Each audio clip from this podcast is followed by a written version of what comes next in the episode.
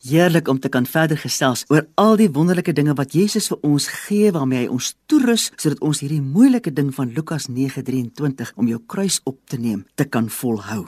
Ek wil nou kyk na genesing. Wie van ons voel nie soms mismoedig of sommer net 'n bietjie moedeloos of verlore nie en dan kom die woord nog en hy sê nou moet jy 'n kruis opneem en elke dag moet jy dit weer 'n keer doen.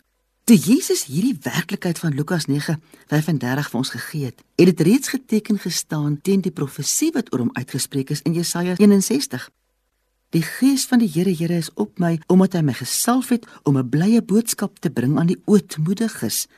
Hy het my gestuur om te verbind die gebrokenes van hart, om vir die gevangenes 'n vrylating uit te roep, vir die geboeides opening van gevangenes om uit te roep 'n jaar van die welbehae van die Here en 'n dag van die wraak van ons God om al die treurendes te troos. Jesus het gekom om treurendes te troos.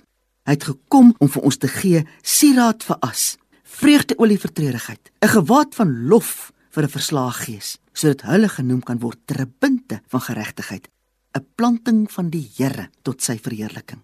Jesus het altyd 'n blye boodskap aan ootmoediges. Ons moet net die dissipline aan die dag lê om ons Bybels te vat en te lees want dit is waar daai bemoediging is. En terwyl ons die woord lees, sal hierdie woord ons gebroke harte verbind.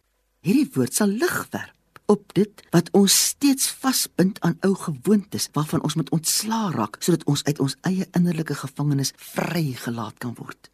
Het jy vanaand 'n behoefte aan vrede? Raak dan op hierdie oomblik stil in jou hart. Skuif alle gedagtes weg en stem saam met my as ek bely. Here Jesus Christus, U is vrede en slegs in U is daar vir my vrede. Ek glo dat die Bybel U woord is en dat ek deur die lees van U woord U beplanning vir my lewe sal ontvang. Deur U woord te lees, sal ek genesing in U ontvang en blydskap sal my deel word. Ek kies om dit te glo. Dankie Jesus. Amen.